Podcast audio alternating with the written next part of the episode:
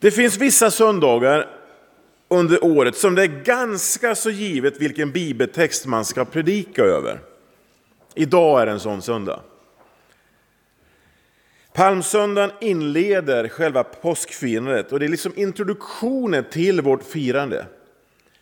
Och det börjar med att Jesus rider in i Jerusalem på en åsna. Jag vet inte hur, hur det är för er, men jag kan ibland känna den här eländiga åsnan, måste vi alltid ta upp om den? Är det någon som kan känna igen det? Man berättar om denna åsna som kom in ridande. Vi måste ju självklart ta upp den här texten. Men är det åsnan det egentligen handlar om? Den är definitivt inte i centrum, utan det är ju Jesus allt handlar om. Åsnan är ju bara ett Guds redskap för att visa vem Jesus är. Och Texten inleds med att Jesus förklarar och berättar för sina lärjungar att de ska hämta en åsna och de ger lärjungarna ganska detaljrika instruktioner på hur det ska gå till.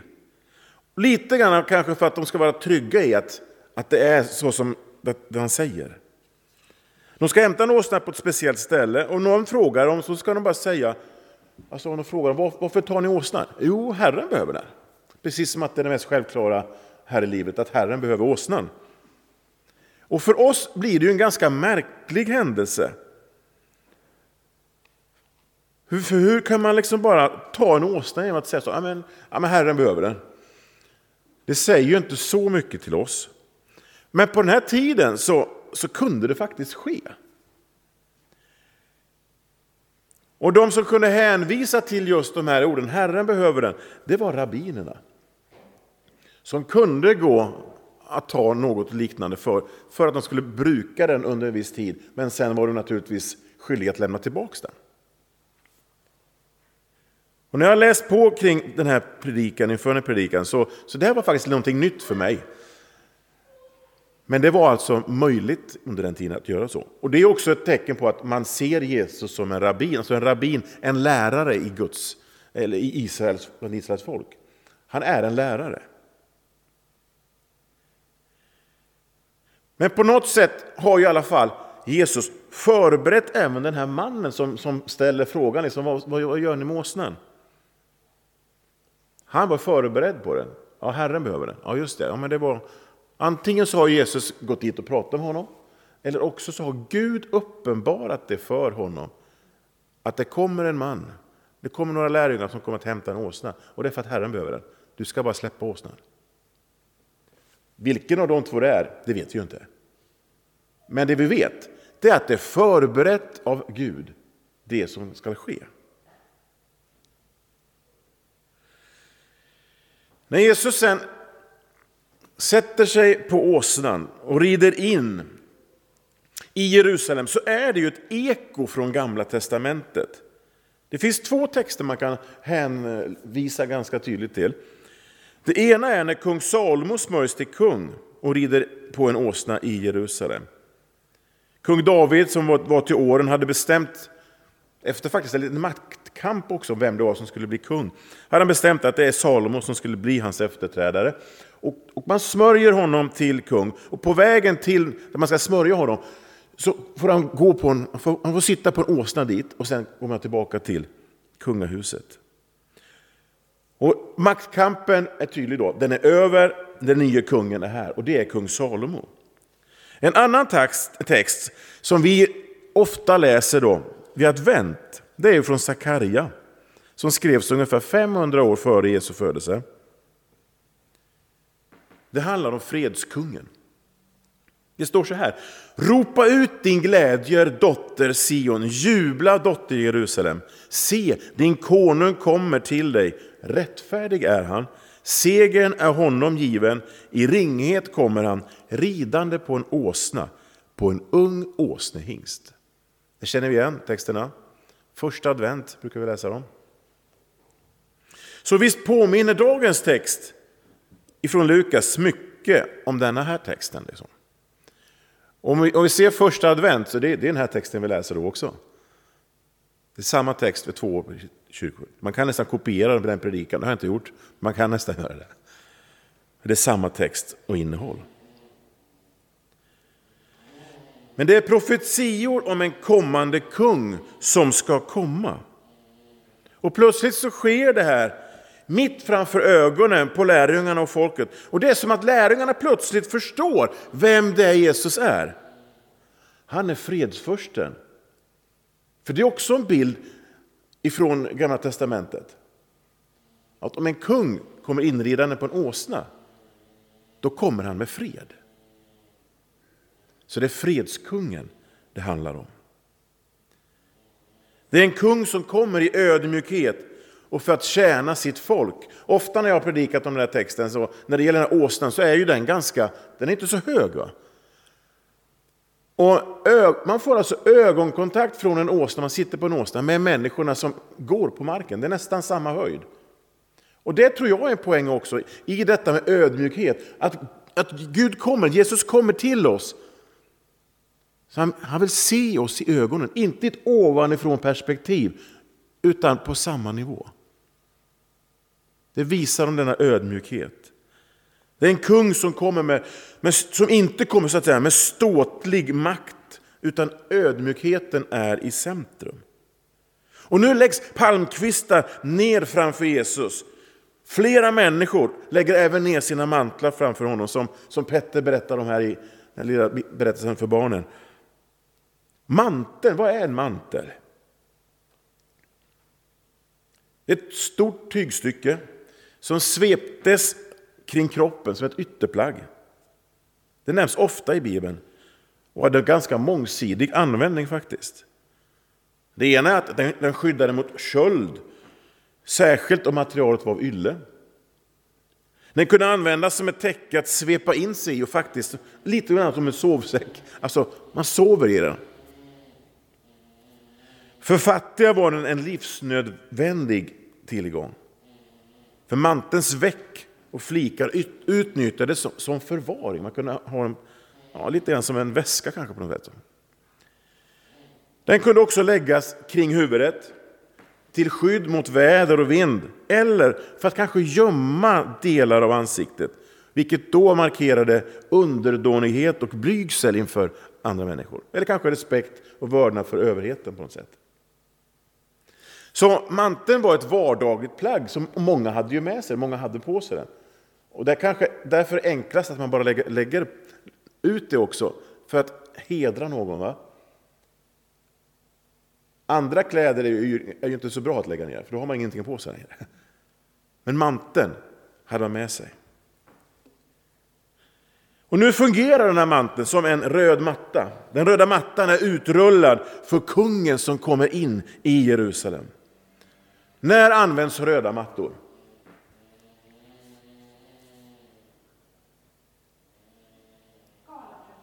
Galapremiärer. Oscarsgalan har ju varit precis här nu. Den har ju väckt oerhörd uppmärksamhet i år. Men inte för den röda mattans skull, men det lämnar vi där här. Men man, man rullar ut mattan för de, de här ärade gästerna som ska komma på festen. Kungligheter har röda mattor. Alltså vid olika festliga tillfällen så rullar man ut den röda mattan för att hedra de som kommer in. Man hälsar utvalda gäster på det sättet. Så det som händer är att det vibrerar av respekt, vördnad, glädje inför den som kommer inridande, som är Jesus. Och det är en stor förväntan i luften.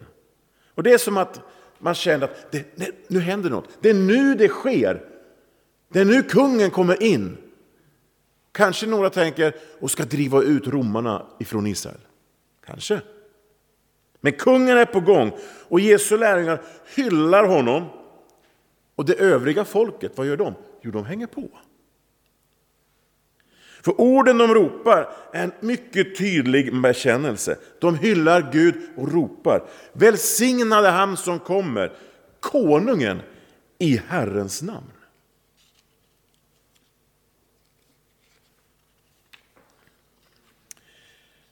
Även i Saltaren finns det eko på den här händelsen. Just detta, Välsigna den som kommer i Herrens namn. Att komma i Herrens namn det är också en stark bekännelse på att den som kommer tillhör Gud och representerar honom. Det är inte vem som helst som kommer in. Det är han som kommer i Herrens namn. Det är han som står för Guds gemenskap, han som står för, för gudomen, för det gudomliga, för det heliga.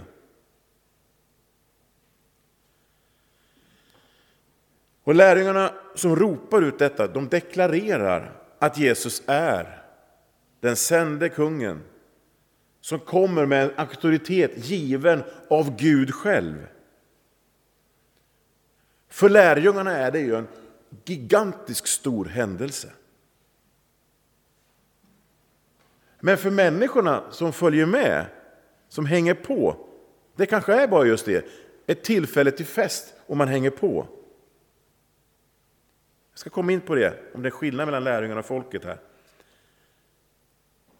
Jag tror det är stor skillnad. Bibeltexten handlar om att göra ett val. Lärjungarna och de andra människorna som följer med in i Jerusalem gör ju en tydlig markering som jag sagt. De hyllar Jesus. De hyllar honom som en kung. De proklamerar genom sina handlingar när de lägger ner mantlarna och palmkvistarna. De proklamerar att han är Messias som skulle komma. Fariseerna fattar det fullständigt, de religiösa ledarna. De förstår att det här är inte vilken proklamation som helst. Och det är inte undra på att det skaver i deras ögon. Och blir irriterade och uppretade och säger till Jesus, säg till att de slutar hylla dig på detta sätt. Men Jesus gör istället en egen slags bekännelse. Han avvisar deras begäran och han säger, jag säger er, om de tiger kommer stenarna att ropa. Det han gör i de orden är att han bekänner att hela skapelsen har koll på vad som händer. Hela skapelsen är medveten om intåget i Jerusalem är Gud som är på gång. Messias. Skapelsen vittnar om att Jesus är den Messias, den väntande konungen som man bara längtar efter. Och Det är en så tydlig markering att Jesus är den väntande kungen. Och det är en oerhörd proklamation. Vilken bekännelse! Och det skaver i fariseernas ögon. Och det gör jag också faktiskt, det intåget är ju en stor del i att Jesus avrättas. Därför att han gör sig till någon som han inte är. Det är ju de religiösa ledarnas ståndpunkt. Han är inte Messias. Man kan inte säga att man är det om man inte är det. De tror inte på det. Så det Jesus gör faktiskt här, det är att han ger oss två val. Vi kan antingen hylla honom eller avvisa honom. Det är det som står på spel i den här berättelsen. Ska vi följa Jesus eller ska vi avvisa honom? Att följa Jesus innebär ett liv med honom och även faktiskt att följa hans väg till korset. Det intressanta är att bara några dagar senare så har de som la ner sina mantlar för Jesus vänt honom ryggen. Istället för att hylla honom nu så bör de istället ropa korsfäst, korsfäst, korsfäst. Det är samma människor. Jag tror inte vi tänker på det när man läser den här texten. Det är, ibland kan man säga att det är ganska enkelt faktiskt att hylla Jesus. Man dras med i en stämning, i en atmosfär. Man hänger på. Det är ju fest på gång. Det är inte säkert att alla som lade ner sina mantlar för Jesus visste vad de gjorde. De hängde på. Det behövs mer än ord och hyllning när man är en lärjunge till Jesus. Det är inte bara att hänga på, som många gjorde när en red in i Jerusalem. Det behövs ett liv som vill leva för Jesus varje dag, även vid motgång och när ingen annan tror på honom. Det gäller att stå kvar när stormen kommer, för vid motgång prövas vår tro.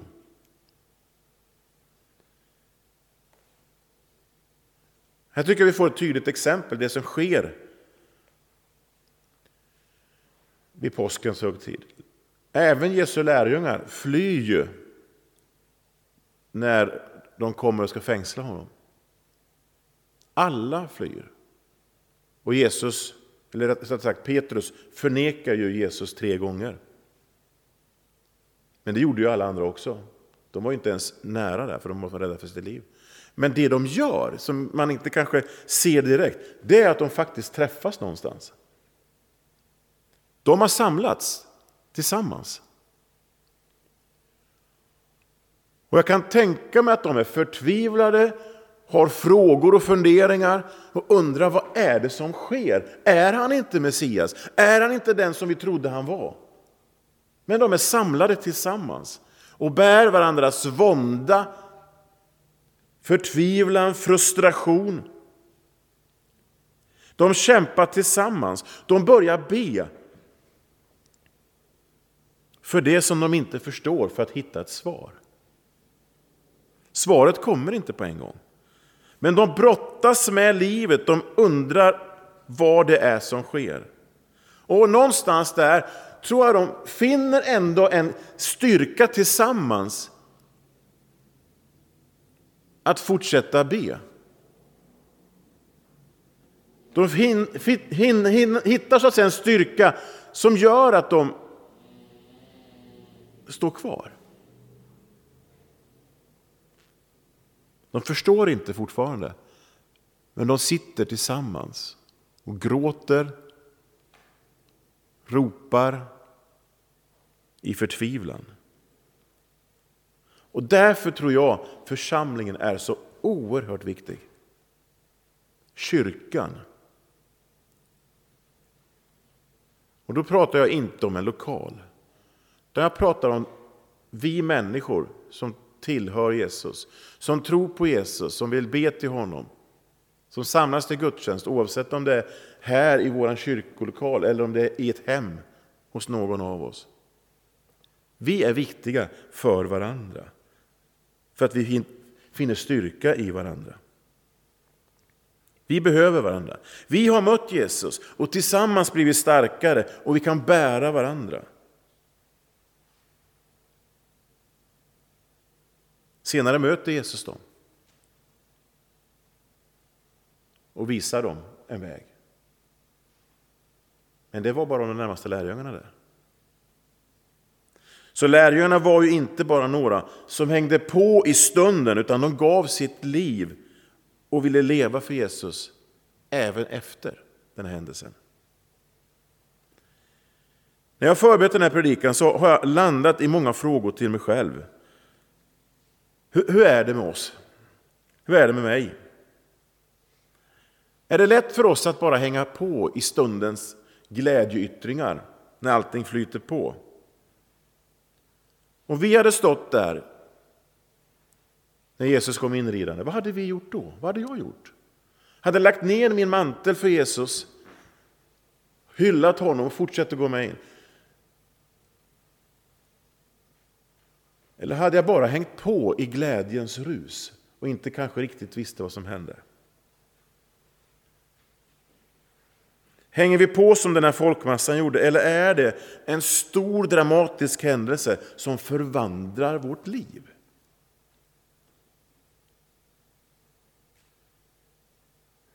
Är du beredd att lägga ner din mantel för Kristus? Och jag, jag ställer den frågan till mig själv också. Är jag beredd att göra det. Har jag gjort det? Eller har jag bara hängt på? Och hur skulle det se ut idag? Om vi tänker att, att lägga ner vår mantel för Jesus, att, att det handlar om att leva för honom i vår vardag och inte bara när det är fest. Vi behöver festen, vi behöver jublet för att orka vardagen. Men hur skulle det se ut? Är jag beredd att hylla konungen Jesus och ropa ut mitt Hosianna till honom i min vardag? När jag sitter på ett café? När jag träffar mina grannar? Hur ser det ut idag att lägga ner sin mantel för Jesus?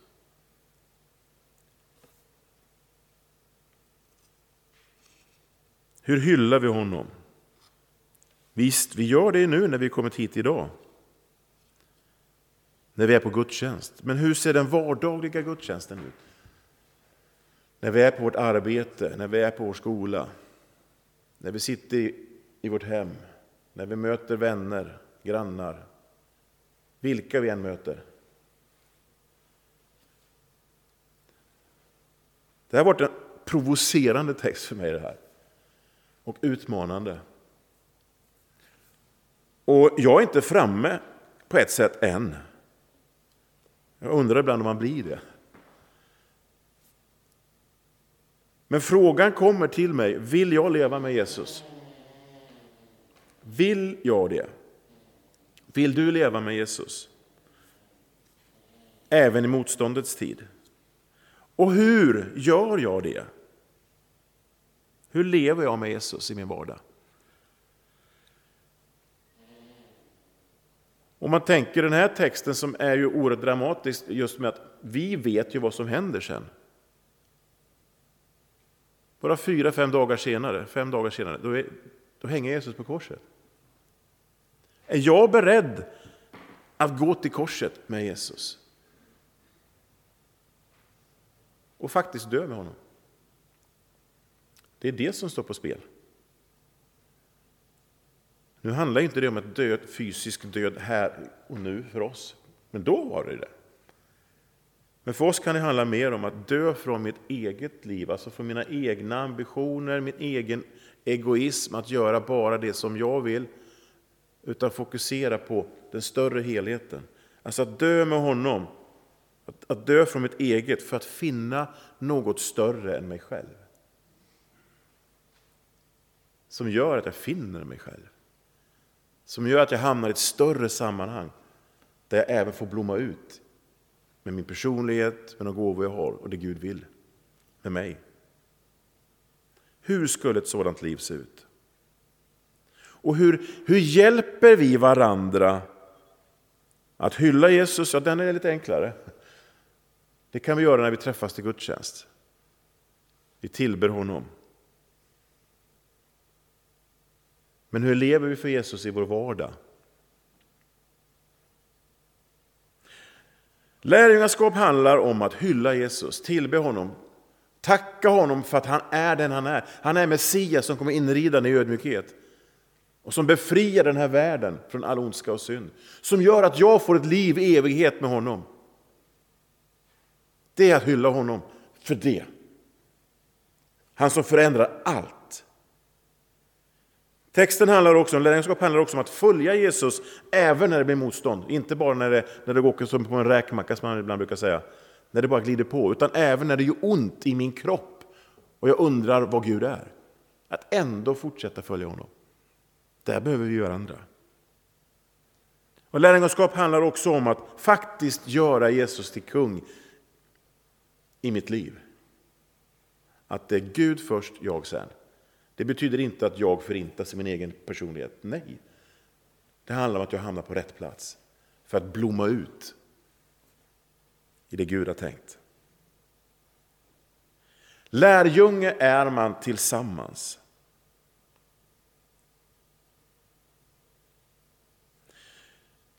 Jag vill avsluta med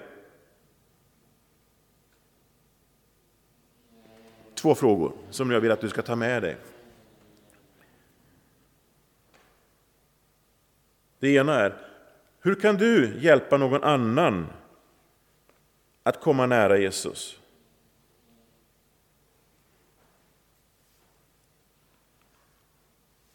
Och jag tänker inte säga mer så, utan jag vill att du ber och funderar över det. med, dem, med den du är som person, din personlighet? Hur kan du hjälpa någon annan med det? Den andra frågan är, hur kan jag följa Jesus i vardagen på bästa sätt, där du är? Då får du tänka in, vilken, vilken vardag har du? Hur ser den ut? Hur skulle du kunna följa Jesus där? För det är bara du som vet det. Och naturligtvis i bönen till Jesus, be honom, hur kan jag följa dig i min vardag Gud?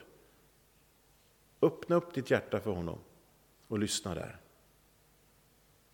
Jag vill sluta där. Den här texten handlar inte bara om en åsna som rider in och har Jesus på, på sin rygg. Utan den handlar om ett val, att välja honom eller inte. Att välja honom eller avvisa honom. Den handlar om att lärjungaskap kostar på, men också att det är någonting man gör tillsammans. Hur följer vi Jesus i vår vardag? Hur gör du det? Ta med dig den frågan och bönen i ditt liv. Nu ber vi.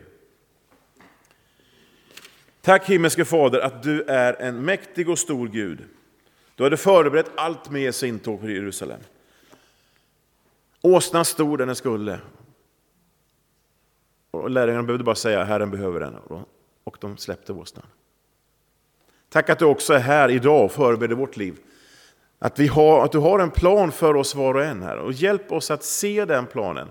Men framförallt hjälp oss att hålla ut i dig.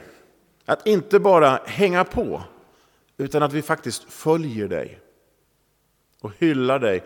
Varför? Jo, för att du är konungars konung, herrarnas herre. Du är den som har gjort allting som står i din makt för att vi ska få en relation med dig. Du befriar oss, du upprättar oss, du ger oss ett nytt liv. Hjälp oss i livet att hylla och tillbe dig och hjälp oss att hitta vår väg i det. Men hjälp oss också att stötta, uppmuntra och hjälpa varandra för att få tag i dig mer i vårt liv. Vi ber så i Jesu namn. Amen.